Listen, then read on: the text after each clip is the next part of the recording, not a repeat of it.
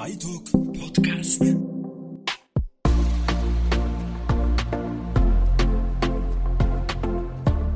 За сайн бацгаана уу та бүхэнд энэ өдрийн мэнд хүргэе. Жисай Монгол байгууллага болон Жисай Монгол Академи бизнес радио 98-аас хамтран зохион байгуулдаг iTalk подкастын энэ удаагийн дугаар эхлэхэд бэлэн болсон байна. Тэгэхээр өнөөдрийн маань дугаарт хүндэт зочд маань хүрэлцэн ирсэн байна. За Жисай Монгол байгууллагын 2020 оны тэргүүн дэд ерөнхийлөгч Баяр Магнаа маань хүрэлцэн ирсэн байна. За мөн Жисай Монгол байгууллагын хүндэт сенатор Shark Түмэн гэрлэх маань ирсэн байна. Сайн бацгаана уу? За мөн Жисай Монгол Академийн 5 хоттой сургагч багш Гампур Өмнөний биерсэн байна. Тэгэхээр өнөөдөр бид гурав болвол бизнес пич буюу бизнесийн найраг хэрхэн хийх вэ гэдэг талаар хэрхэн үр дүнтэй одоо өөрийнхөө бизнесийг бусдад одоо танилцуулж тэднийг дурлуулах вэ гэдэг талаар ярилцах юм. Тэгэхээр манай одоо хоёр зочин маань бол их одоо энэ талаар бол ариун туршлагатай одоо хүмүүс байгаа. Тэгээ ихэвчлэн бол олон пич сонсож тэгээ одоо тийм үгүй гэсэн хариултуудыг өгж исэн хүмүүс байна. За миний хувьд бол яг энэ чиглэлээр бол багшилдаг стартап бизнесүүдэд бол одоо хэрхэн өөрийнхөө бизнесийг бусдад таниулах вэ гэдэг талаар яриа хийдэг. Тэгэхээр зүгээр яг ажиглаад байхад бол ярих урлаг дотор бол ингээл олон төрөл жанрууд байдаг те одоо багшлах, одоо найрах, ятгах энэ дотроо тийм инээлгэх гэл. Тэгээ энэ дотроо энэ бизнес пич гэдэг нь бол арай нэг жоохон өөр төрөл байгаа. Юу вэ гэхээр өөрийнхөө санааг бусдад ойлгуулахаас илүү бүр даже бусдыг ятгахаас ч илүү яг өөрийнхөө дурлаад байгаа итгэж үнэмшээд байгаа зүйлд яг өөр шигээ адилханаар бусдыг дурлуулах тэр дундаа одоо туршлагатай тэр шаркуудыг туршлагатай одоо олон жил бизнес эрхэлсэн хүмүүсийг өөрийнхөө бизнес дурлуулах тухай яриа байгаа юм л. Тэгэхээр их юм сонирхолтой сэдвэр өнөөдөр гурлаа ярилцах нь. За тэгээд эхний асуулт бол төнгөрлөх асуумаар байна. Танд бол одоо маш их одоо бизнесийн санал санаачлагууд орж ирж байгаа. За тэгээ бүгдээрээ л пич хийж байгаа өөр өөртөө хэмжээнд тийм. Тэгээ ихэвчлэн бол одоо тэгэл нэг хувийн байдлаар уулзах болгонд л хийдэг баг. Тэгэхээр та хамгийн түрүүнд одоо та тэр хүний ингээд танд одоо санал болгож байгаа бизнесийн юуг нь илүү голчилж хардаг вэ? Тий одоо ялангуяа Shark Tank нэвтрүүлэгт орсноос хойш бол ийм бизнесийн найраа пич тэгээ одоо бизнесийн ийм санал санаачлаг эсвэл хүсэл зорилгоо ойлгуулах гэсэн хүмүүс бол маш их нэмэгдсэн. А Shark Tank нэвтрүүлэгт орж явахад анх удаага бас ийм сонсч үзсэн Урд нь бол өөрөө ингээд э, одоо банкнд очиод нэг зээл авах гад банкныг одоо э, итгэл үнэмшүүлэх гэж бизнесээ ойлгуулах гэж миний энэ бизнес ашигтай хүнд хэрэгтэй ер нь бол урт удаан хугацаанд бол явах юмаа гэдгийг бол хэлэх гэж бас өөрөө хийж исэн. А сүүлд энэ Shark Tank нэвтрүүлэгт орох үед бол э, маш их өдөрт бараг 6 ийм бизнесийн төсөл санаачлага одоо та нарын одоо өнөөдрийн гоё сэдв болоод байгаа яриад байгаа пич гэж яриад байгаа энэ бизнесийн найраа гэж гэж яриад байгаа энийг бол ойлгож гэх юм уу эсвэл сонсч ирсэн. Тэгээ тэндээс ингээд харж яхад хүмүүс бол гоё гоё санаа санаачлага бол гаргаж байна. Тэгээ залуучууд ялангуяа залуу байхад бүх юм бол болно бүтэн хийн чадна ялан дийлэн ер нь болох юм байна гэсэн юм гоё юм хүсэл тэмүүл эрмэлзлэр бүх юмд хандж идэг. А гисэн хэдий боловч энд анхаарах зүйлүүд нь юу байдг вэ гэхээр санаа нь гоё боловч яаж яг хэрэгжих юм бэ? Яаж хэрэгжүүлэх юм бэ? гэд энэ юм дээрээ бол жоохон унчаад идэг тал бий. А ер нь явж явж ялангуяа бизнесийн тухай ярих гэж байгаа бол бизнес гэдэг чинь ашиг болох ажил шүү дээ. А бизнес бол зүгээр ингээд нэг бусдын ярьдгаар ингээд сайхан сэтгэлээр юм уу эсвэл ингээд гоё юм хийгээд ингээд өөртөө гоё байлгах гээд нэг хоббиг бизнестэй холчих гээд байдаг тэм тал бий. А бизнес бол эцсийн эцэст үр дүн ашгаар л илэрхийлэгдэх ёстой. А тэгэхээр яг бизнесийн нарийн хийх гэж байгаа бол та нар нэгдүгээрт хугацаа ямар хугацаанд ямар хөрөнгө оруулалт хийгээд ямар ашиг олох юм бэ? Гэдгээл маш тодорхой илэрхийлж чадах юм бол эхний алхамчин бол явж байна л гэсэн. Одоо бизнес модель нь их тодорхой тийм. Гэт одоо энэ удаадаа яачих тэгээд за тань дээр бас одоо ингээл олон бизнес санаанууд орж ирж байгаа. Тэгээ хамтран ажиллах саналууд бол маш их орж ирдэг байгаа. Тэгэхээр та яг одоо ингээд нэг орж ирж байгаа санал тавьж байгаа яг ижлэхэн саналыг гурван өөр газараас ингээд орж ирнэ шүү дээ. Тэгэхээр тэр гурав дээр ингээд шийдвэр гаргахдаа ер нь юуг нь голчилж илүү хардаг вэ? Тэр ярьж байгаа залуучууд. Харин миний бодлоор бол Магна Жинкен харин э, найр их юм биш үү? Бас нэг талтай өөр. Энэ хүн чинь маркетингээр ажилладаг, маркетингийн юутай ингээ бизнес санаа ингээл хэрэгжүүлэх явдаг болохоор нөгөө э, хөрөнгө оруулагчтайгаа айгүй их найрдаг хүн ба гэж ойлгоод байгаа шүү дээ. Бас тийм. Тий. Тэгээ амар их найраа хийдэг болохоор эн чинь харин Жинкен танаалтай нөхөр биш үү? Харин тэрийг ярих яаж паналдыг яриул илүү сонирхолтой юм биш үү? Хөрөнгө оруулагчтай яаж тэрийг зөвшөөрөж гарын үсэг авч мөнгө цохолд юм бэ? Гэхдээ яг хоо за та бүхэн өдрийн мэнд хүргэе. За тэгээд урьж оролцуулж байгаа Айталкийнхандаа бас баярлаа. 98-ийнхандаа бас баярлаа. За энэ төрөнд бас ийм туршлагатай хүнтэй хамт суугаад бизнесийн тухай тий найрах арга чинь зөв байна гэдэг үгийг тий хэлэх тэр мөчийг бас хаваалцах сайхан байна. За За би өнөөдөр энд оролцсон шалтгаан бол э, мэдээж одоо дэлхийн ертөнцийн хэрэгж байна, тэ? За энэ modernization буюу энэ орчин цаг үеийн хэм маяг хандлага илүү их одоо дэлхийд даяар э, түвэн дэлгэрж байна. За ялангуяа энэ ковидтай холбоотойгоор дэлхий бол одоо энэ дижитал болох тий одоо энэ уламжлалаас шин зүйл рүү шилжих хөдөлгөөн бол маш их одоо хүчтэй өрнөж байна. Тэгээ энэтэй холбоотойгоор ер нь энэ залуучууд бизнес эрхээ оролцоотой байх уу, залуу хүний сэтгэлгээ ямар байх уу? Ялангуяа одоо энэ залуучууд өөрсдийгөө хэрхэн зөв удирдах бизнесийн амжилт олох уу гэдэг тал дээр тодорхой дуу хоолой болох гэж би бас ирлээ. За миний хувьд түрүүн асуултанд хариулвал би бол Апо хувьцаат компанид ажилладаг. Одоогийн чиглэлийн салбарын компаниудыг одоо удирдах ажиллаж байна. За миний хувьд бол одоо өнөөдрийн байдлаар 12 мянган харилцагчтай ажиллаж байна. Монголын худалдааны бүх бизнесийн томоохон түншүүдтэй одоо гэрээ хэлцээр хийж байна. Бизнес то бизнес харилцаанууд хийж байна. За Мят одоо Эрдэнэ оюутлогоо юу гэдэг те. За мөх бусад бүх одоо засгийн газраас ахуулаад төрийн өмчт компаниуд мөн номин e-mart те. За мөн одоо дорж дулмаагийн дэлгүүрүүд тэр дондог дашийн ресторан кафенууд эдгээртээ бүгднтэй гэрээ хэлцээр хийж ажиллаж байна л да. За тэгэхээр эдгээр гэрээ хэлцээр хийхэд мэдээж компани зарчим, бизнесийн ашиг сонирхол сая түмээх төрдөж чинь хин хиндэ өгөөжтэй байх бодтой тохиролцоонууд бол хамгийн чухал. А тэгэхээр надад бол жишээлбэл бид нар одоо өнөөдөр яг нэг байгууллага юм уу нэг жишээ ярихаасаа илүү ямар оновчтой үйлдэлүүдийг бид нар үйлдвэл тэ хүн биднээс юу хүсэж байдаг тухай ярил илүү сонирхолтой санагдаж байна. За тэгэхээр яг хөө сэдв бол өөрөө одоо найр хараг гэх юм уу тэ За итгэл үнэмшүүлэх урлаг гэх юм уу?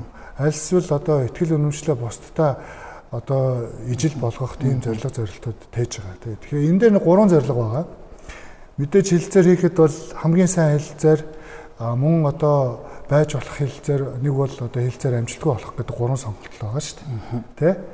Тэ. Тэгэхээр энэ гурван сонголтоос хүн бол заавал ялах тулаанд яаж орох вэ гэдгийг өөрөө шийдэх ёстой. Тэ? Яг бол амжилтын дүр зураг гарах вэ гэдгийг шийдэх ёстой.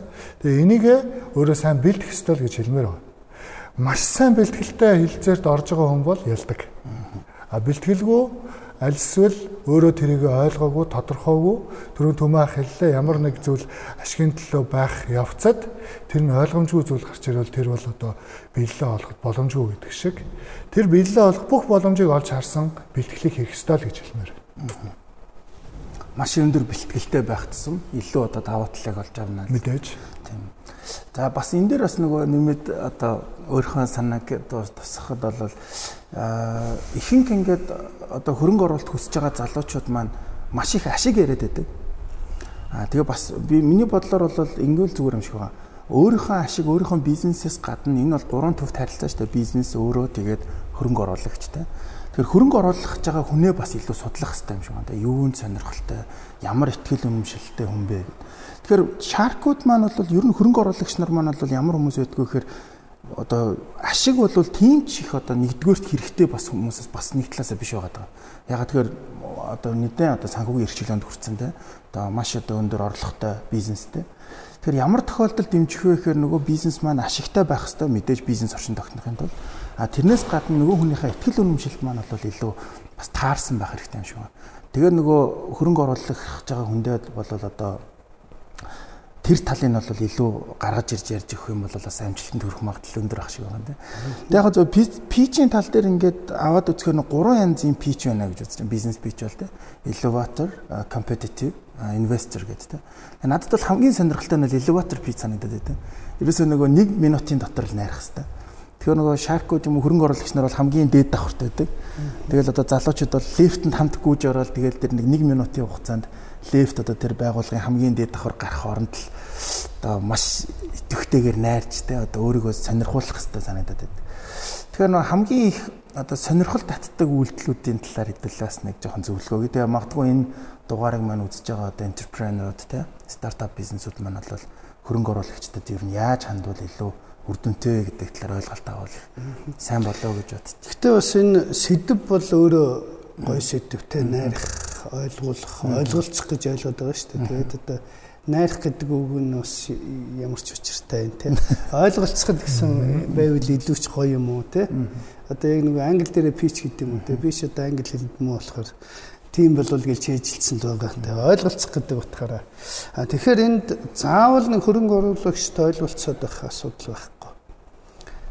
Найз нөхдөөгөө, бизнес партнертойгоо үзэл бодол нэгтэй хүмүүстэйгээ яг чиний ярьдгаар те бас нөгөө хүнээ судлан барина гэдэг шиг эсвэл нөгөө э, энерги таардаг, эсвэл сүнс таардаг ийм хүмүүстэйгээ нийлүүл бас бизнес амжилттай явдаг байхгүй. Тэрнээс ганц одоо хөрөнгө оруулагч тааруулаад тэр нөхрийг одоо э, юу яагаад тахта биш.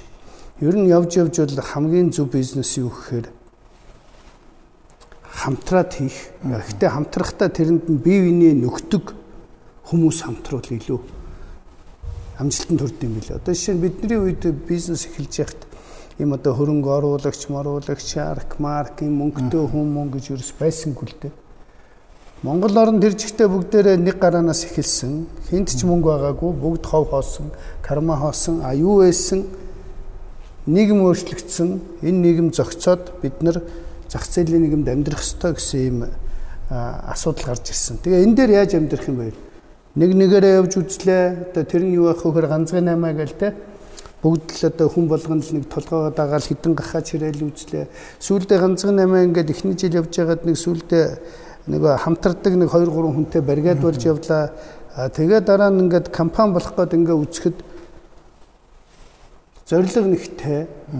Тэгээ өшөө дээр нь бас бие бинийгээ нөхдөг ийм нөхдүүд компани болоод тэгээ амжилтанд хүрсэн байгаа байхгүй юу. Аа тэгээ хамгийн түрүүнд юу байдгүй гэхээр энэ бизнес ойлголцолд юу байх вэ? Итгэл байдаг.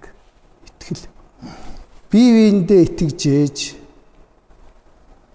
бизнес явдаг. Ер нь явж явж бизнес гэдэг чинь хүмүүс ойлгохтой нэг л их мөнгөний төлөө яваал ингээд байгаа биш шүү дээ. Бизнес гэдэг чинь ихтгэл үнэмшлийн ойлголцол, бизнес гэдэг чинь оюун ухааны одоо ойлголцол тий оюун ухааны зохицолгоо явж явж энэ ухааны л асуудал болчихж байгаа байхгүй юу. Одоо нэг яг одоо баруунд нь одоо энэ ном ном дээр байдаг шүү дээ. Ялангуяа Америкт би их ухаантай өнгөл тэгвэл чи төрөвчөө үзүүлчихэ гэдэг. Тэгэхээр юу гэхээр зүгээр тэр ухаан мөнгөөр илэрхийлэгдээд гарч байгаа ашиг тэр бол бизнес юм аа гэд. Тэгэхээр энэ бизнесийн энэ ойлголцолд хүмүүс суугаад нэгдүгээрт яг юуны төлөө хамтрах гээд байгаа яг чиний хэлдгээр те ямар ихтгэл үнэмшилтэй явах гээд байгаа. Тэгээ хин хин юу чадах юм эсвэл одоо хин хинд юу хэрэгтэй хин хин юугаа нийлүүлж чадах юм гэдгээс бас их хамааралтай байд юм байлээ. Тэгэхээр заавал нэг мөнгөтэй нөхөр хайгаал гүүгээл одоо хорвоо дээр одоо тэрний таалагдах гал одоо ингээл янз бүрээр гүүгээд байх хэрэггүй. Тэрнээс илүү юу яах хэрэгтэй? Ойлголцох нөхдүүдийг бол, ихтгэл даах нөхдүүдийг бол тэгжээж л бас бизнесийн юм их л явна шүү. Огт мөнгөгүй ч бизнес хийж болно. Бие бинийгээ нөхөд ойлголцоод санаагаа гаргаад тавиад ингээд тэ Тэгээ хоорондоо тэр ажлаа хуваарлж яваад ингээд зүтгэхэд бас амжилтанд хүрнэ. Тэгэхээр энэ бизнесийн ойлголцол гэдэг чинь өөрөө бас юм олон талтай, олон явдалтай юм юм болох нэ. А ганцхан хөрөнгө оруулагч гэдэг хүнээр хязгаарлагдаж хэрэггүй. Хажууд хүмүүсээс асуу, найз нөхдөд хамтраад одоо манай GC ч гэсэн GC-д орж ирээд би эндийг ойлголцоод хамтраад айгүй сайхан бизнес хийж ус зөндөө биш үү. Гэх мэтчлэнгээр. Тэгээ мэдээж одоо том бизнесмен бас ингээ гоё оновчтой хэлж байна л да. А залуучууд бидний дотор бол харах хэвээр онцог юу вэ гэвэл бизнесмен гэдэг бол ажилсаг үнийг хэлж байгаа. Тий. Тэгэхээр бид нар ажилсаг байх хэвээр. За тэр дундаа одоо Монгол бизнесмен өөрөө дэлхийн бусад орны залуучуудын бизнесменээс юугаар ялгаатай байх юм те бид өнөөдөр одоо хил хязгаараа хэрхэн давах уу те хүн төрөлхтөн дотор бидний Монгол хүний бүтээж болох ямар бизнесийн одоо боломж байна гэдгийг бид нар олж харах хэрэгтэй. А тэгээ хоёрдугаарт одоо нөгөө хажуу хаяа нөгөө нэг дээр доорхоо ингээл тэмтрээд авахгүйгээр бид нар илүү их одоо илрээгүй газруудыг илрүүлэх ийм одоо боломж бидэрт байна. Тэгээ интерьерийг хийхин тулд одоо бид нар өөрсдөө биелдэх хэрэгтэй. Хоёрдугаар үзэл санаагаа зэгслэх хэрэгтэй. Тэр нь юу вэ гэвэл одоо бид нар ямар нэг Аз юм уу, хэн нэгний ивент тэтгэлэг юм уу, хэн нэгний одоо буцшгүй тусламжаар ямар нэг амжилтыг олно гэдэг ийм зориг зорилтыг хүлээгээд ерөөсөө хэрэггүй. Тэгэхээр одоо бидний хийх ёстой одоо маш чухал зүйл бол бид нар мэрэгжлийн байх ёстой байна. Тэ? Бизнест тодорхой төвшөнд ур чадвар болоод бүхэл гарах амжилтуудыг мэрэгжлийн төвшөнд гүйцэтгэдэг ийм одоо өөрийгөө бэлдэх ёстой цаг үед ирлээ. За би GC-гээтэй холбоотой Япон, Солонгос, Хонконг, Тайван гэдэг олон орны Азийн түвшний залуучуудтай одоо найз нөхөж хамтарч ажиллаж удирдах ажиллаж ийла тий. Тэгэхээр тэдгээр зүйлүүдэд бол одоо тухайн орны залуучууд бол альваа зүйлийг нийгэм нь өөрөө хүнийг төлөвшүүлээд одоо түрүүн таны хэлдэг тэр ихтгэл үнэмшил, ихтгэлтэй байх, хариуцлагатай байх те тэр ялангуяа одоо амлсандаа хүрдэг энэ зарчмууд бол энэ хөгжсөн нийгмүүдэд маш өмтэй хүний одоо үйлдэлүүд болсон байдаг. Тэгэхээр энэ үйлдэлүүдийг монголчууд маань бид нар өнөөдөр хатуу зарчим болгож явахгүй бол бид нар өнөөдөр бид нар ямар нэг зүйлийг авдаг маргааш ямар нэг зүйлийг ашигладаг ийм хэлбрээр удаан бол явахгүй. Тэгэхээр тохиролцоо хилцээр энэ найрах урлаг гэдэг бол хож хож гэдэг системээр явах хэрэгтэй. Чи аавн би аавн хоёулангийн авж байгаа зүйл чи хоёрт балансаа зөв болоод тэнд хэн хожиж байгаа үгэл чи хоёрын хийж байгаа бизнесээс нөгөө бит хоёрт мөнгө төлж байгаа хэрэглэгч өөрөө хожиж явах хэрэгтэй. Хамгийн энэ зүйлийг бүтээж чадвал өнөөдөр бидний хилцээр амжилттай болно гэсэн. А тэгэхгүй өнөөдөр зөвхөн хоёр хүний нэг нь ашиглаад нөгөөх нь ашиглуулад гинт богино хугацааны дараа ойлгогдоод хэрэглэгч нь хүлээн зөвшөөрөхгүй хэлэлцээр болвол энэ өөрөө маш том эрсдэл, цаг хугацааны алдагдал дахиад эргээгээд одоо нөхөж босшгүй юм гарцтай зүйл бол. Энийг бид нар аюусаа ойлгох хэрэгтэй. Тэгээ энийг бол их сайн хийсэн одоо энэ барууны капиталист улсуудын залуучуудын зарчмууд маш чухал байдаг. Эдрийг бид нар бас их сайн өөрсдөө би өөрсдийгөө одоо биед ажил суралцах хэрэгтэй байна. Интернетээр дүүрэн байна, тий? За одоо жишээлбэл энэ гой гой шоу нэвтрүүлгүүдээр бас энэ характер, харизм тэр гол поинтууд бас гарч ийн те. Эдгээрээр бид нар юм тасралтгүй үзэж өөрсдөө хөгжүүлэх хэрэгтэй юм шиг байна. Үнэ үнэ. Тэгээд одоо яг хөө ингээд харж байгаа нь одоо ер нь бол мод болоод байна л да ингээд стартап бизнес энтерпренер гэдэг ойлголтууд бол тэгээ маш гоё бизнес модельтэй. Тэгээ маш гоё санаатай бүр яг үнэхээр ингээд цаг үеэ олцсон. Тэгээ супер баг бүрдүүлсэн мөртлөө Тэгээ яг нөгөөтгөө ингээд бусдад тайлбарлаж чадахгүй одоо нөгөө түрүү нөгөө баяр гүн эрхлэгч хэлдэг нөгөө бэлтгэл байхгүй тийм яг ингээд бэлдээгүй яг ямар талаас нь ярихаа тайлбарлаж чадаагүйгээс болоод бас яг ингээд нэг зогсчихж байгаа 2 3 жилээр хоцорж байгаа юм бизнесүүд маш их байна л да. Тэгэхээр нөгөө одоо ингээд манай одоо шаркод болон захирлууд маань бол яг хэлж байна шүү дээ ингээд ихтгэл үнэмшил бол их чухал байна гэд тэ. Тэгээ хариуцлагатай байдал одоо бусдыг боддог зөвхөн өөрийнхөө буюу ашгийг биш тэ бусдыг боддог энэ нь их чухал байна гэж. Тэгэхээр одоо яг энэ дэр нэг юм асуулт гарч ирж байна л та тийм. Яг ерөөсөө нэг тантай анх танилцж байгаа хүн тийм. Тэгээ танд ингээд өөрийнхөө бизнесийг танилцуулаад ингээд ярих та. Нэг нэг 2 минутын дотор танд ихтгэл үнэмшил төрүүлэе гэж бодъё л та тийм. Тийм тохиолдол бол байж болно. Та бас нэвтрүүлгээрээс нэлээд өнд хөрөнгө оруулчихж байсан. Тэгэхээр яг тэрэн дээр бол ингээд тэр хүн ихтгэл үнэмшил танд ингээд ягаад чи нэг энд хүнд итгэж болмоор нэг юм мэдрэмж өгөөд нь шүү дээ тийм тэр яг яаж гарч ирж байгаа юм одоо тэрийг нэг одоо дөслөх гээд үзсэн. Ер нь бол Shark Tank нэвтрүүлэг дээр бас э, хүн харахад амархан болохоос хэцүү л дээ. Тэнд ерөөсөө хэдэн зуун саяас тэр өмнө төрөл хүртэлх хөрөнгийн хөрөнгө оруулалтыг чи ерөөсөө 3 минутанд л гарах хэрэгтэй. Тэгэхээр ер нь тэр нэвтрүүлгийн ингээд туршлагаас харж яхад өөрийнхөө тий туршлагаас харж яхад бизнесийн ашиг тэр бизнесийн юуг ойлгохоос илүү тэр хүн хинбэ гэдгийг нэгдүгээр тардсан юм бэл. Ялангуяа ингээд шаркууд гэхэр чинь нэг айгүй олон жил бизнес хийсэн, сайн муу юм үзсэн, хөлөгтүүлээд үзсэн, тэгээ хариуцлахгүй суудыг ажилуулад үзсэн, тэр хөрөнгийг бас яаж зөв ингээд зарцуулах уу, барих уу гэдэг ингээд маш олон жилийн туршлага суудсан улсууд байдаг л да. Ер нь зүгээр шолоохон хэлэх юм бол ер нь туршлага гэдэг чинь муу санаа л байхгүй. Ихэнх нь муу санаатай болцсон. Ягаад гэвэл тэр их насаараа цуглуулсан, насаараа бий болгосон тэр мөнгийг зүгээр нэг хүнд маа гэд ингээд өгчих нь гэдэг бол маш хэцүү. Ягаад гэвэл тэр их хүс хөдөлмөр олон жилийн нүр их хөдөлмөр те тэгэл тэр одоо ерөөсө Зарим нь бол бүх юмаа л одоо юу яаж ижил хэмнж хуруу өмсөө хуулж ижил бий болгосон хөрөнгө шүү дээ. Тэрийг зүгээр ингээд нэг гоё юм ярьсан хүнд өгнө гэж бол байхгүй л дээ. Тэгэхээр миний хувьд юу харж исэн гэхээр нэгдүгээрт энэ хинбэ гэдгийг харж исэн байхгүй. Тэр хүний үйлдэл, тэр хүний яриа, тэр хүний түүх тэр хүний одоо харц биеийн нөгөө хэлэмж те тэр бүгдийг хараад тэгжсэн. Та нар санаж байгаа бол нэг буряд байсан эм юу яадаг гараж ингээд зөөдөг гараж ингээд яадаг гэд гараж нь бол ямар ч ашиггүй юм шиг санагдсан. А гэхдээ юу гэхээр хүн нөрөх зөв хүн шиг. Яг л тэр хүн төрд ажиллаж үзээд солонгост үлээ үзэж үзээд тий тэгээ хурж ирж энд бас юм хийх гэж үзээд Тэгээд одоо ер нь хүнд хэрэгтэй юм хийя те одоо Монгол орнд хэрэгтэй юм машин тэрэг ингээл өвөл ингээд зовлонтой байдаг зууны ядаг юм амархан юм гараж хийчихье гэд хүмүүсийг бас бодсон өөрөө бас тэрэндээ дуртай юм хүн харагдахаар нь тэр хүнд бол хэлжсэн. За наад бизнесээс чинь бол мэдэхгүй ашиг машиг мэдэхгүй. Гэхдээ зүгээр нэгдүгээр түнд хэрэгтэй. Хоёрдугаар зүгээр хамгийн итгэж байгаа юм бол чи өөрөө хэлжсэн би бол хэлсэндээ хүрэх гэж ямар ч нөхцөлд хүрэх гэж ир хүн шиг зүтгэдэг хөө. Өөрөө ямар ч хохирол амсаад хамаагүй хариуцлагад өрөөд хийсэн тэр үг нь их таалагдсан л та. Үнэхээр тийм хүн байх юм бол тэр хүн тэр бизнестэй биш. Зүгээр юмд үнэхээр тэр хүний итгэлийг авсан байх тэр итгэлийг алдахгүйгээд өөрөө шатаач үхээч болтгоо тэрний төлөө зүтгэдэг хүн гэдэг бол гайхалтай л та. Тэгээ тэр хүнд нь оруулж исэн. Тэгэхээр бизнесээс илүү өөрийгөө бас бэлдэх хэрэгтэй. Хинбэ гэдгээ хүнд бизнес хийдэг.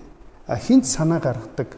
А гэхдээ тэрийг хэн хийдэг? Тэр үнэхээр цаашаа аваа явчих нь үү, хөдөлмөрч хүн үү те? Эсвэл худалч хүн үү, эсвэл хэдэн цаас аваад болчих нь үү гэдгийг бол ер нь олон жил ажилласан энэ бизнесүүтэй ажилласан ялангуяа юм олон хүнтэй компани удирдаад сурцсан хүмүүс бол нөгөө хүнийг нэг хоёр үгнээс таньна гэдэг шиг таньчдаг л да.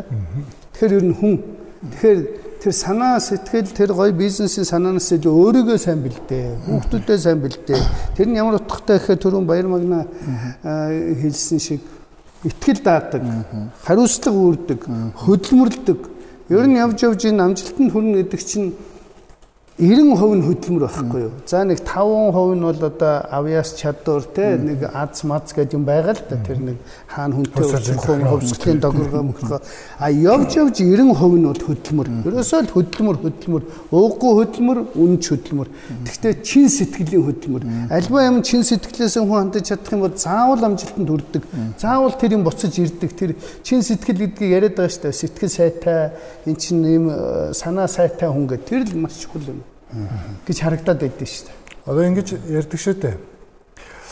А альва юмд хүн ингээд гүнзгий ордог хүн байдаг. Тэ? Одоо усны ирэг дээр нь хөвөд идэггүй гүнзгий рүү н орж тэр акул тэр халмыг үзэж харж тэр далайн Европын нууцыг илрүүлдэг шууд гараа шамдаад орчдөг ажил руу. Тий хөвөн дээр нь хөвөд идэг нэг хэсэг хүмүүс байдаг. Тэр бол ил харагдаж байгаа заас жарахаал хараад өнгөрдөг тий. Тэгэхээр тэр хүний гэрха байдал сониуч байдал тэр аливаа юмд гүг үнцгийг ханддаг хандлага өөрөө маш чухал. Энэ өөрөө бизнесийн тэр нюансуудыг тэр тухайн бизнесийн онцлог хэрэглэгчийн шин чанар тэр улс төр тэр нийгмийн шин чанаруудыг бүгднийг нь олж хардаг ийм чадварууд гүнзгий юмд ордог хүмүүст бол байдаг. За дээрэс нь итгэлийн тухай ярьж байна. Тэ? Маш гоё санаа сая гаргаж ирдэг. Хандлага гэх. Хандлага гэдэг чинь л одоо ерөөсө бүх юмны Ер нь бүгдийг шийддэг юмд яаж хандах уу тий. Сэтгэлээсээ юу хөлөх үү эсвэл үнэнгээсээ юу удлаа юу? Тэр их гоё үг шүү надад чинь. Би бол жишээлбэл ямар хүн дуртай вэ гэвэл завин дээр зав гаргая гэж далаа руу зав гаргачаад өөрөө ирэг дээр суулгаа намайг явуулчихдаг хүнтэй би хизээч одоо хамтрагч болдгоо. Тэ? Хэрвээ ямар нэг асуудлыг шийдвэрийг хамт гаргая л гэж байгаа бол эрсдлийг цуг өөрөөд зорсон зорилготой хамт очих хүнийг л одоо Харин дээ тэрийг яаж олох вэ? Тэрийг яаж таних вэ? Энэ өөрөө маш чухал. Энэ амар хэцүү бидний байгаа. ярианаас одоо ингээд дүгнээд ингээд харах юм бол нэг дөрвөн ойлголтыг их чухалчилж ярьж байна. Нэгдүгээр бизнес модель чухал юм байна. Тэр бол одоо ашигтай. Нэг Яг нэгдүгээр хандлага хандлага чухал, итгэл чухал гэдэг энэ тэрнээс эхлэх хэрэгтэй хэрэгтэй. А бизнес модель бол хамгийн сүүлд А, дөрөвт нь ч юм уу гэж тэгэхээр гэж хараад байгаа шүү дээ. Буруу ч хийж магадгүй. Бизнес питч дээр бол ер нь бол энэ дөрвийг бол яг нөгөө хичээл дээр нь гэсэндээ яг ярьдаг л да. Яг яг зэний дөрвийг ярьдаг. Энэ бол ирэмблэхээр бүгд яг тэнцүү. Тэгээд маш одоо хүчтэй байр суурь эзэлдэг. Тэгээ ярьж байгаа хүн өөрөө маш чухал байдаг. Итгэл үнэмшил төрүүлдэг тийм. Тэгээд өөрийнх нь түүх нь одоо тэгээд аа тэгээ бүрдүүлсэн баг нь тийм тэрийг хийх гэж байгаа баг нь одоо тийм яг энэ чадхуугүй юу гэдгийг харуулж чаддаг байх хэрэгтэй. За 3 дугаарт нь бол одоо тэр нь одоо яг үн цэнтэй бизнес нь итгэл үнэмшил миний итгэл үнэмшил тохирох уу тий. Одоо тэгтээ тэрнгөө зөндөө ашиг олдог хүн бол одоо яг нөө шарк танtaраас гарч ирсэн нэг залуу нэг юм шууд ламбард оруулж ирэл те. Амар ашигтай гэл. Эсрэгээрээ тэр ашиг л хардаг байсан бол тэрэнд хүмүүс хөрөнгө оруулалт оруулах байсан гэхэл оруулахгүй байх жишээ нь. А тэгээд дөрөвдүгээрт нь бол нөгөө бизнес модель нь те.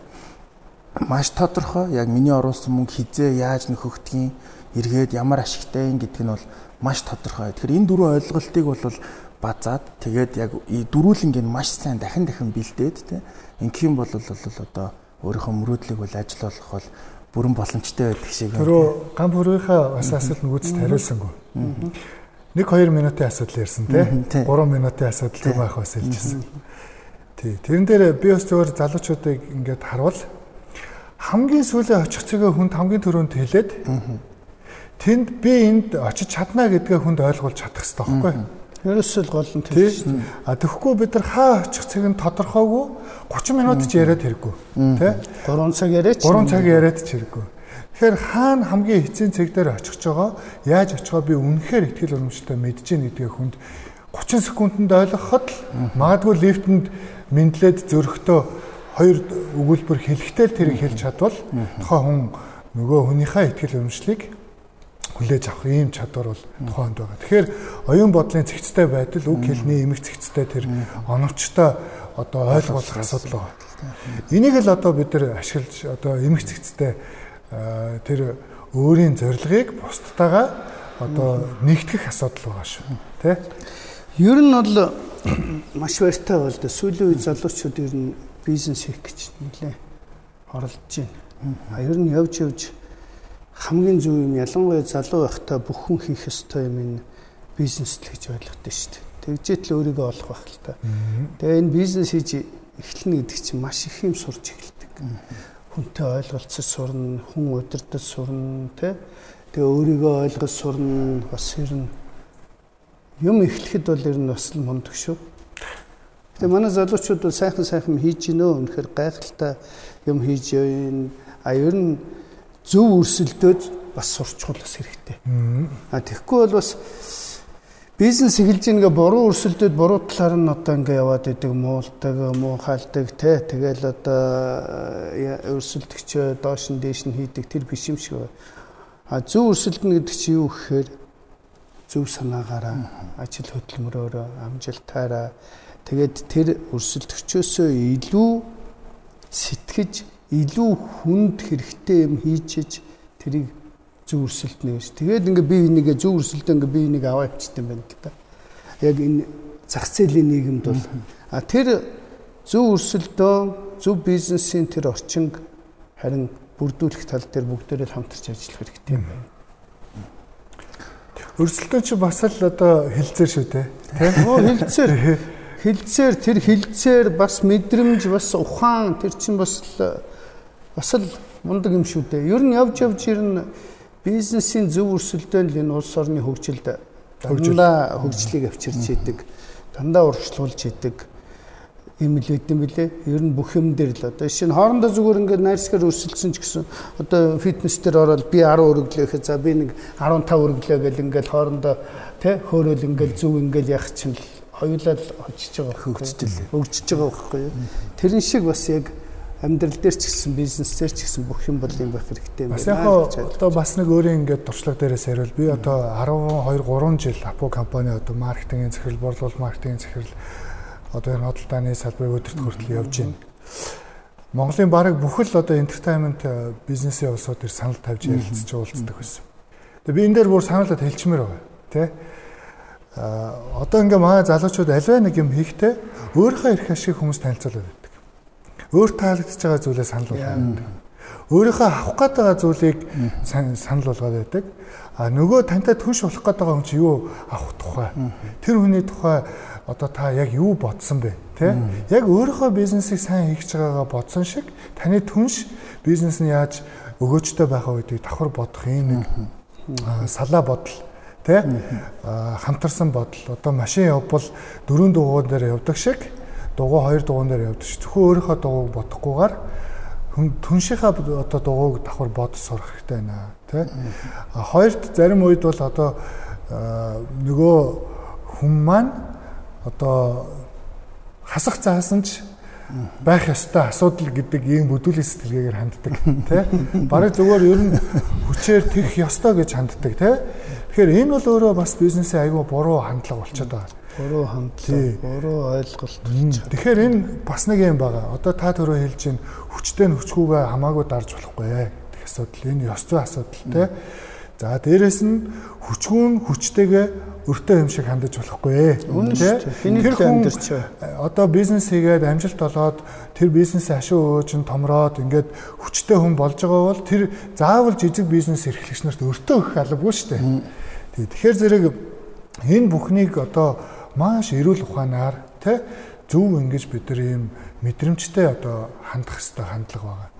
Ийм ёс зүйн асуудал бол залуучуудад аюу хэрэгтэй. Тэгээд энэ дээр бол бид нар өөрсдөө ингээд зөв ийм саруул уу те эрүүл ухаанаар энэ бүх юмны балансыг барьж чадвал хүчтэй вэ үү сул дорой гэхгүйгээр бүх одоо төвшний бизнес эрхлэгч хүнтэй бол нэг сэтгэлгээгээр харах боломж үүсэж байгаа маа. Тэгэхээр тэнд сэтгэлгээний ялгаа, хандлагын ялгааг л бид нар засах хэрэгтэй байгаа. Тэгвэл тэр заавал том жижиг ялгаа алга болчихно л гэж бас хэлмээр байна. Окей. За одоо ерөнхийдөө хугацаа маань жоохон юу болж эхэлж байна. Тэгэхээр хэдүүлээ сая ерөнхийдөө бол яг бизнес гэж юу юм яагаад одоо танд хүмүүс итгэж үнэмших хэрэгтэй юм те. Тэгээ pitch гэдэг ерөнхий ойлголтын талаар ярьлаа. Тэгээ мөн elevator pitch буюу хамгийн богинохон 1 минутын pitch-ийн талаар ярьсан. Тэгэхээр одоо шууд competitive бол ойлгомжтой. А инвестор буюу яг нөгөө яг таныг сонирхоод те яг одоо за окей чи манай ажлын өрөөнд хүрээд тэр чамд одоо 30 минут байна 20 минут байна те. Гээд ингээ багаа суулгаж байгаад ингээд нэг ярьдаг. Одоо энэ бол эцсийн шатны пич байдаг те. Тэгээ тэр пичийн талаар хэдүүлээ нэг яри. Ер нь бол нэг 20 минутын одоо юу гэж яана гэдэг бол итгэцэн байна те. Бизнес нь таалагдсан байна. Бас өгөөчтэй санагдсан байна те Тэгэнгუთ яг тэр эцсийн шатныхаа одоо юун дээр пич дээрээ ирээд алдсан залуучуудын хувьд бол айгүйх тийм нөгөө сэтгэл гонсгор гардаг. Нөгөө тэр чи одоо ингээл нэг 7 хоногийн процедур 14 хоног сарын процедур болж байгаа шүү дээ. Тэр хоорондоо ингээл нөгөө баг мөрөөдсөн байдаг те одоо ингээл за одоостай ингээл томрлоо гэл. Тэгээ яг сүүлийнхаа шатн дээр ирээд алдсан. Бүр бүр орчихсон уу? Эцсийн шийдвэр гаргацсан уу? Тий. Тэгээ орж ирээд нөгөөх нь ингээд унчих юм бол тэр нь эргээд бараг босоход нөгөө дахиад бизнес хийхэд бол их хүн цохилт болох гэдэг санагдаад байна. Тэгэхээр энэ тал дээр ер нь ямаа яагаад тийм одоо ихтгэл үнэмшил авчаад бүр 20 минутын тий одоо таныг сонсё гэдэг тэр ихтгэл үнэмшил үнэмшлийг авчаад тэгээ залуучууд тэр үе дээр ирж алдаад байна. Юун дээр алдаад байна гэдэг тал дээр. За одоо бол бизнес нэлээд нарийн болцсон байна л да. Ямар утгаараа нарийн болцсон байна гэхээр бүх бизнес ингээд судалгаатай, шинжилгээтэй тэгээд ийм нөгөө нэг э, маш их судалгаан дээр үндэслэж хийдэг болсон байна. Бидний үе чинь бол тийм байсангүй шүү дээ. Юу толгойдоор нь өсөрж ороод нөгөөдгөө хийчдэг. А онол ондог, онохгүй л ондог. Тэгээ бид нар тийм судлан ч гэсэн ойлголт байдгүй. Бид нар чи анхны Монгол улсын анхны э, ийм давлгаа авахгүй бизнес. Тэгээ бид нар тийм бизнесийн өнөөдрийнх шиг юм ном байсан биш. Mm -hmm туршлагатай хүн байсан биш зүгээр ёстой нэг байглаасаа ясан мэдрэмжээрээ л явж ирсэн. Одоо бол өөрөлдсөн байна. Тийм ч учраас бас э, тэрийг хүлээн зөвшөөрөхөөс аргагүй болсон. Жишээ нь одоо манай дээр ихэд манай охин бизнес э, удирдлагаар Америк төгсөөд ирсэн гэл би за за Америк төгссөн л гэдэг юу гэдэг бидрээс илүү Америкийн Америкт сурсан юу бидрээс илүү Монголын бизнесийг юу мэддэг гэл нэг тоодгүй байсан чинь 2 3 юм дээр бол хүлэн зөвшөөрөхөөсөр аргагүй болчихно л да залуучуудын энэ бизнест хандж байгаа хандлага тэр юу? Юу гэхээр за нэг юм бүтээгдэхүүн гаргана гэл. Би чи урдан зур гадуу дотор явж байгаа л тэгэл ингээл гачаад очиж явал ингээл боломжийн байвал авчрал энийг хийнэ. Эсвэл ийм нэг санаа байна. Энийг хийгээл хийлгээл. Нөгөөх нь зах зээл дээр явах ч юм уу гүү ч юм уу.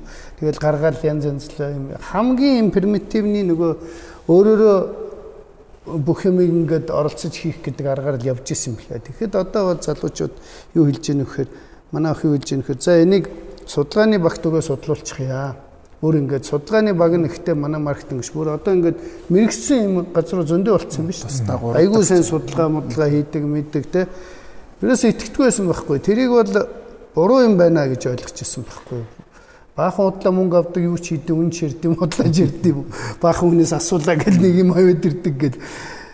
Тэгсэн чинь шал өөр байд юм байна. Яг гаргаад ирд юм байна. Одоо тийм мэрэгжлийн усууд их болсон байна. Тэгэхээр яг уу гэхээр бизнес эхлэх гэж байгаа усууд хамгийн түрүүнд бас мэрэгжлийн усуудтайгаа хамтарч ажиллаа. Зөвлөгөө аваа тий зөвлөгөө аваад мэрэгжлийн усудаас тэрийг ингээд аудит хийлгээд нөгөө нэг хяналт шалгалт хийгээд энэ одоо юу гэдэг өөрөө бол тэрэндээ ингээ орчдөг байхгүй юу. Хэвээ лаг байна, лаг байна. Хэвээ үнэхээр гоё юм болж ийн гэд яг л өөрөө хийж байгаа учраас өөрийн хийж байгаа юм болгон гоё дээ. Өөрөө би лаг гэд ойлгоцсон. Өөр хүний нүдээр харуулах хэрэгтэй байхгүй. Бүр ингээд совсем дөрөгөө одоо бизнес хийдгүү мэдгүй эсвэл тэр тамаагүй 2 3 хэлгэж ягаад асуухад шал өөр юм ярина. Тэгээ тэрийг ингээд зөв тусгаад ингээд оруулах оруулж ивэл тэр юм дээр унахгүй байхгүй. Тэр хүмүүсийн хараагүй Тэр э, нөгөө хөрөнгө оруулагч чинь хараад эсвэл тэрийг нь мдээгүй минь асуулт асуугаад унахчихж байгаа байхгүй. Тэгэхээр нөгөө төрөний баяр магнаа хэлдгээр өөрсдөө бэлдээгүй нэ гэсэн үг. Бэлдэхийн тулд яг үхээр мэрэгжлийн судалгааны багтаа хамтарч ажил зах зээлийн судалгаагаа маш сайн хий тэгээд тэр хүнд хэрэгтэй юм уу юм уу гэдгээ маш сайн хий. Тэгээд өөрөө одоо тэр тооцоо моцгоо бод чаддгүй бол тэр э, үгүй махад одоо нэг таньдаг мэндэг ах トゥ мөхт байгаа шүү дээ бүгдийг ганцаараа битгий хамтарч ажиллаа. Тэгээд тэрийг сайн төсөл болгоод гэсэн үг. Бүр нарийн санд игшин болгоно юм. Тийм тэгжээж яг э, бүх юм чинь бас нэг 100% биш юм гэхэд нэг ядахтаа нэг 60 70% та юмтай хүн дээр орох хэрэгтэй шүү. Чухал сэдв рүү орж ийн. Төмөх ахтай Новоос Берск тамт явж ирсэн. Төмөх надаа сурж исэн сургуулаа танилцуулаад. Амьдэрж исэн байраа үзүүлээд хотынхоо төрөнд орсон. Тэгээд ах нь яаж энэчнээс одоо ажил амьдралаа эхэлж гэр бүлээ босгож те энэ бүх зүйлийг ах нь ингээд ингэж босгож ирсэн маа гэж ярьж ирсэн. Нэрээ тийм биш. Айгуу сайхан дурсамж биш үү? Гин санаанд орчлоо. Тэгээд би одоо ингээд юу гэж хардаг байг бол одоо яг энэ социалист нийгмээс одоо зах зээл рүү шилжсэн цаг үеийг тулсан. Энэ цаг үеийн тод жишээнүүд бол одоо маа Түмаахын одоо та бүхний үеийн бизнес одоо ингээд дуусчихин дөө. Хамгийн их мэдлэлтэй байгаа, хамгийн амжилттай байгаа, хамгийн энэ нийгмийг бүтээж байгаа бидний замыг засч өгж байгаа хүмүүс ихгүй юу? Одоо бид нар та нарын замаар явж байгаа. Гэхдээ энэ замаар нь явах уу аль эсвэл энэ замыг гэрэлтэй, гэгээтэй, модтой хостой хөгжүүлж дараа дараагийнхаа замыг уртсах уу гэдэг асуудал дараагийн үеийн залуучууд дээр ирж байгаа. Дараагийн замыг та нар л гаргах хэрэгтэй. Тий. Тэгэхээр энд нэг онцлог шинж чанар хүрчлээ ямар ч хэлсэн тий. Уул руу авирлаа гэхэд бид нар уулын бэлд аваад ирлээ. Одоо энэ уул руу авирах юм байна гэдэг. Одоо тэгээ та нар тэр уулын орой руу яаж чадах уучраа олоо тий. Уулын оройлууд явна шүү дээ тэр чинь. Тэгэхээр ийм байгаа тухайн үед бол одоо зах зээлийн эрэлт деманд гэж байдаг. Тэ?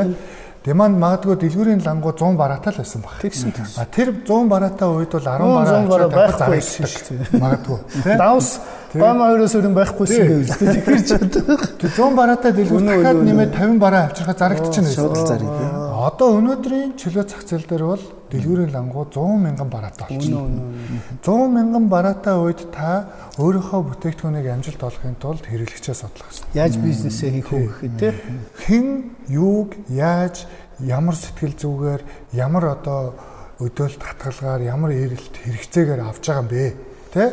Ямар одоо тэр сэтгэл хөдлөл тухайн хүнийг хэрэглэгчийг одоо тухайн хөдөлмөрөө гаргаж олсон энэ 5 цаасаа аваачиж тэр тушаах вэ гэдэг тэр бизнесийн тулаанд орж байна.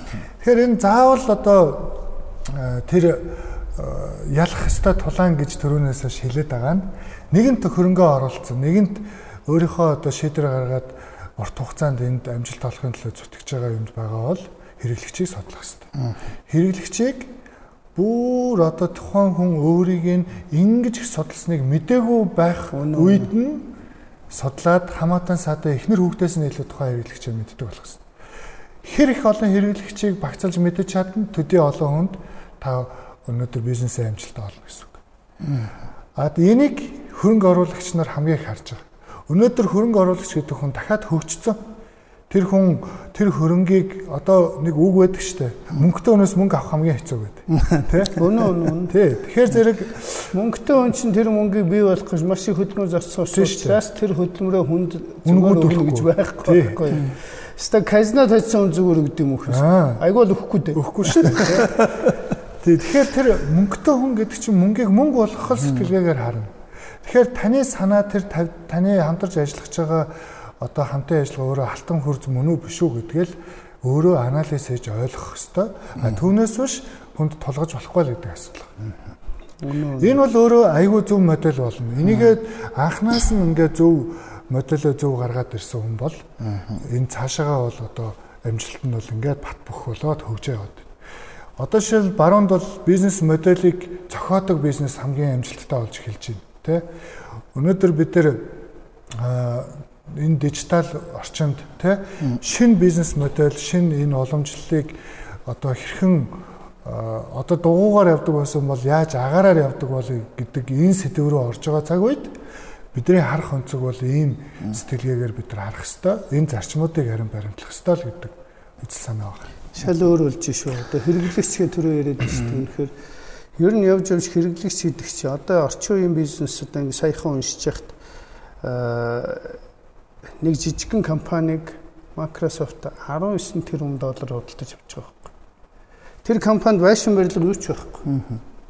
Модель ганц юу байна гэхээр дааны л байсан байхгүй. Хүмүүсийн 5 жил цуглуулсан маш олон хүний дааны.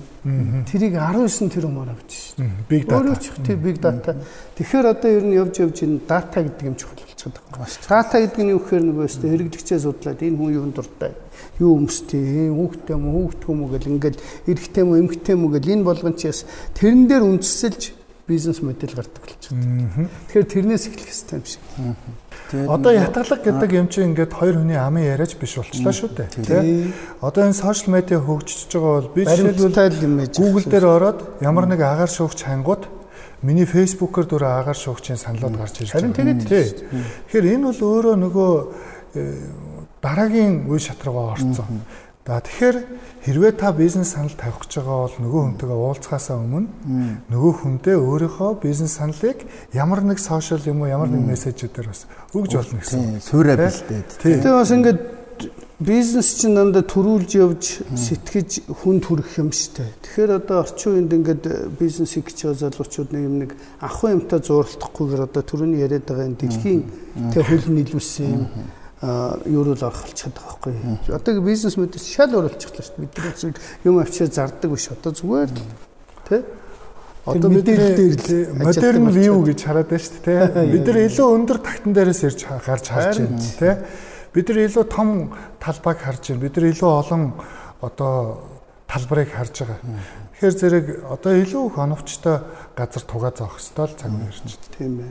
Тэгээ бас ганцаараа тэрийг ойлгоод иж болох. Бусдад сайн одоо тийм ч учраас нэвтрүүлэгт оролцсон. Тэгээд мөн одоо ер нь тэгээд одоо орчин үед нэг ер нь бүхэл одоо ингээл ярианы хэлбэрүүд дээр ингээд одоо тусч гарч ирж байгаа зүйл байна л да. Нэг golden circle гэдэг ойлголт байна тийм. Ерөөсө гурван асуултыг бол бүх зүйлээс асууж явах хэрэгтэй гэдэг. Тэгээ чи юу хийхээ мэдж байгаа бол окей. За яг хөө тэгээ чи хийгээд сайн байна. А чи яаж хийх одоо илүү дээр дэвшилттэй арга замыг мэдчихвэл окей бүр сайн байна. А яагаад чи энийг хийж байгаа вэ гэдэг асуултанд хариулна гэдэг бол хамгийн чухал байна.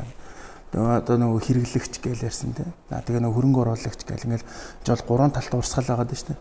Тэгмээд яагаад заавал чи хийж байгаа тийм. А тэгээ яагаад заавал одоо юм. Тэгээ яагаад заавал яг энэ таргет зориулж ин гэдэг энэ бүх хариултууд нь бол бэлэн байх юм бол одоо тухайн pitch болоод тухайн бизнесийн цаашдын ирээдүйд бол их амжилттай байгаа дах шиг. За тэгэхээр бидний хугацаа бол ерөнхийдөө дуус тал руу орж ийн. Тэгэхээр одоо үлдсэн хугацаанд бол гурлаа нэлээд одоо дүгнэх маягтай яриагаа үргэлжлүүлье. За тэгэхээр сая бол бид нар бол питчийн гурван төрөл дээр тус бүр дээр нь ингээд анхаарах зүйлсийг бол маш их тодорхой ингээд гаргаж ярьлаа. За эхний ээлжинд бол elevator pitch буюу хамгийн богино хугацааны ердөө нэг танилцаад өнгөрхийн хооронд л тэр хүнд анхаарал татах, ихтгэл үнэмшлийг төрүүлэх, дахин уулзах одоо тэр сэтлийг төрүүлэх тал дээр ярьсан. Тэгээ энэ дээр бол одоо манай хоёр зочин маань бол маш гой гой санаануудыг гаргаж одоо бас өөр тохиолдсон зүйлсүүдээ ярьлаа шүү дээ тийм ээ. Тэр elevator pitch-ийн хувьд бол би өнөөдөр хувьдаа одоо дахин нэг одоо ойлголт энэ байнга сурж явах юм байна. Дахин нэг ойлголт авахтаа бол та өөрөө өөртөө эхлээд нийтэх хэрэгтэй байна. Яагаад энийг би хийх ёстой вэ гэдэгт өөрөө хариулсан байх хэрэгтэй. Тэрийгэ бусдад итгүүлэх хэрэгтэй байна. Итгэл үнэмшил гэдэг бол энэ elevator pitch юм бол хамгийн ихний одоо том даваа байт юм байна гэж ойлголоо. Айгуу сайхан сэдв ярьлаа шүү дээ. Одоо ялангуяа бизнес эрхлэх гэж байгаа те стартапууд эхлэлийн бизнесүүд яаж эхлэх юм, яаж хөрөнгө татах юм, хинээс татах юм, хинтээ ярих юм гэл ингээл юм. Тэгээ ер нь зөвхөн миний хувьд ингээ базаад хэлэхэд бизнес гэж юу юм бэ гэдгийг эхлээд ойлгох хэрэгтэй байна. Нэгд бизнес гэдэг юу вэ? Бизнес гэдэг чинь юу гэхээр хамгийн нэгдүгээр миний зүгээр санаа штэ. Итгэл, хариуцлага, хөдөлмөр.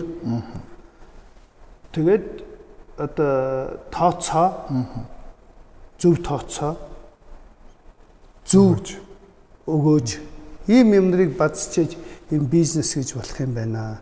А тэгээд заавал ингээ бизнес хийхэд хэн нэгний хөрөнгө оруулалт заавал шаардлагатай биш ээ. Нэгдүгээрт өөртөө итгэе. Өөрөө оролдоо. Хоёрдугаарт хүмүүсийг сонсоо, тэ судлаа. А гуравдугаарт яг үхэхээр хэрэглэгчээ маш сайн мэдрээ. Явж явж ин бизнес гэдэг чинь хэрэглэгчл бидрийг тийжэх байхгүй. Тэрнээс юм гой санаа байна гэд ингээ юм хийгээд өөрөө мөнгө ургаад ирдэг бид биш. Хүн танд яагаад мөнгө өгөх ёстой бэ гэдгээ хариулчих. Юуны төлөө өгөх ёстой. А тэр нь ямар байх ёстой гэхээр хүнд хэрэгтэй юм байж ээж хүмүүст хэрэгтэй юм байж ээж бизнес болдог. Энд л хариултаа өгчхүүл болох юм байна л гэж ойлгож байгаа. За миний хувьд бол ямар өнцгөөс харж байна мэдээж одоо амжилтанд хүрсэн бизнесмэнүүдийн харах өнцөг. Ялангуяа өнөөдрийн бид гурван яриаг янз янзын хүмүүс сонсох байх. Эхлэж байгаа хүн, дунд шатанд явж байгаа хүн, альсвал бүр амжилтанд хүрсэн хүнд бол одоо мэддэг зүйл нь байгаа байх. А би бол бас илүү их залуучуудын өнцгөөс л одоо бас дахиад өөрийнхөө байна тий. Олон өнцгөөс харах хэрэгтэй. За тэгэхээр бидний хувьд бол залуу улсууд одоо үнэхээр шинэ амжилтыг бүтээх ийм цаг үед ирж байгаа шиг байна. Тэ? Энэ бүр бүх шатанд бизнесийн, улс төрийн, нийгмийн шатанд тэ. За энэ донд бүгд хаанаас амжилт олох вэ гэвэл олон нийтийг зөв удирдах хэрэгтэй болно. Олон нийтийн зөв удирдлага гэдэг бол өөрөө одоо энэ дэлхийн хавтгай болоод сошиал медиа хөгжөөд ийм болсон цаг үед бизнесийн болоод энэ харилцаа холбооны бүх одоо стил стратегиуд өөрчлөгдөж байна. Тэгэхээр суур одоо бидний үндсэн стратеги буюу харах онцог хувийн эрх ашиг дээр суурилсан зөвхөн өөрийн ашигыг өндөр болгох гэсэн ийм бизнес санаа, ийм хамтрах одоо саналуудыг хүн бити тавьжээ. Тэ? Мэдээж альва зорилго бол ашиг өгөөжийн төлөө байна. А гэхдээ олон нийтэд ээлтэй байдаг нөгөө илүү их филантропи одоо илүү хүчтэй нь одоо хүчгүүнүүдэд дэмжсэн тий хүний амьдралыг эргээр өөрчлөх боломжтой тэр дундаа одоо боломжийг нээгүүгүй хүмүүст шинэ боломжийг олгосон ийм бизнесийн одоо концепцуудыг гаргаж тэ хоорондоо хэлэлцэж зөвшөлдсөж бизнес шийдвэрүүдээ гаргаач гэдэг ийм уриалга байна. А яад бол надад одоо бас энэ брэнд хөгжүүлж байгаа компаниудыг ингээ хараад нэг бол хоорондоо хэлэлцээ хийж байгаа одоо нэгдэл нийлмэл болж байгаа компаниудыг харахад зөвхөн эзэдийн эрх ашигын төлөө бүх зүйлийг зориулаад байгаа харагдаад байдаг. Энэ нь урт хугацаанд одоо гүйцэгдэх магадaltaй. Миний саяны хэлж байгаа олон нийтийг дэмжсэн, олон нийтийн зүрх сэтгэлийг татсан бизнес модель гаргаж чадсан хамтын ажиллагаанууд бол илүү том одоо амжилтуудыг биелүүлж байна гэдэг мессежийг өгмөр байна. Урт урт хугацаанд тогтвортой. Тий. Тэгээ сая Түмаах хэлж шít энэ том компаниуд одоо бусад энэ компаниудыг худалдаж аваад ингээд явдаг. Энд их мөнгө хэдэн тэрбум доллар зарцуулж ийн гэдэг. Энэ Facebook яагаад энэ Instagram-ыг энэ юунуудыг худалдаж аваад байгаа те. Энэ бол өөрөө хэрэглэгчийг илүү их одоо тесттэй буюу амттай амьдрах, илүү их мэдээлэлтэй амьдрах, илүү их одоо аз жаргалтай амьдрах бүр хэрэглэгчийн өглөөс ирээд орой ондох хүртэл хамт байж чаддаг ийм бизнес моделийг зохиогоод энүүгээрээ одоо бусдтай түншлээд явж байна гэдгийг л бид нар сайн ойлгомоор байна. А түүнээс бол та нар мэдж байгаа зөвхөн төлбөртлөөд үздэг байсан видео контент ийм юмнууд бол одоо дампуураад одоо ингээ харахад бол Netflix free л биш үү? Тийм ээ сар 2 3 сар өнгөө үзэж хагаад маш бага мөнгөөр орж үзэж байна.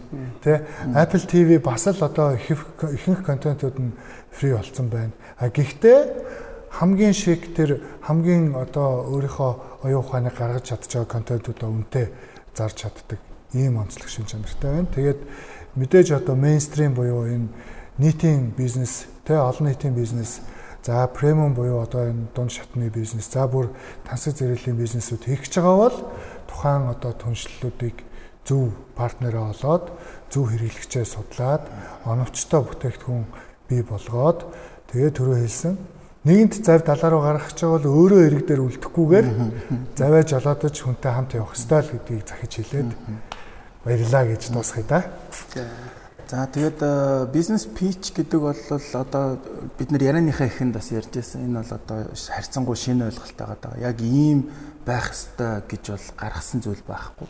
Зүгээр нэг ингээл нэг одоо урд нь бол юм лектор шиг ч юм уу эсвэл амиа борлуулалтын менежер шиг ярьдаг залуу орж пич хийдэг гэж ойлгож ирсэн чинь одоо бол энгийн бод амьдралын хүн орж ирээд те ингээд нэг сэмэрсэн пижактай эднэр орж ирээл ингээд ярахад итгэл үнэмшил төрүүлж чадчихлээвэл тэр бол зоригтой хүрдэг ийм одоо сонирхолтой нэг юм урлагийн нэг төрөл бий болоод байгаа.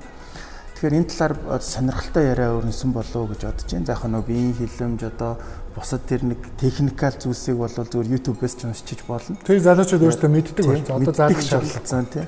Тэгэхээр одоо бол харьцангуй нөгөө амин сүнс рүү н одоо гүнлүүн тухайн бизнес нь юу вэ гэдэг тал руу илүү одоо ярих гэж одоо оролдлоо бүгдээрээ. Тэгээд анхаарал тавьсан та бүхэн маш их баярлалаа. За баярлалаа. Баярлалаа. Está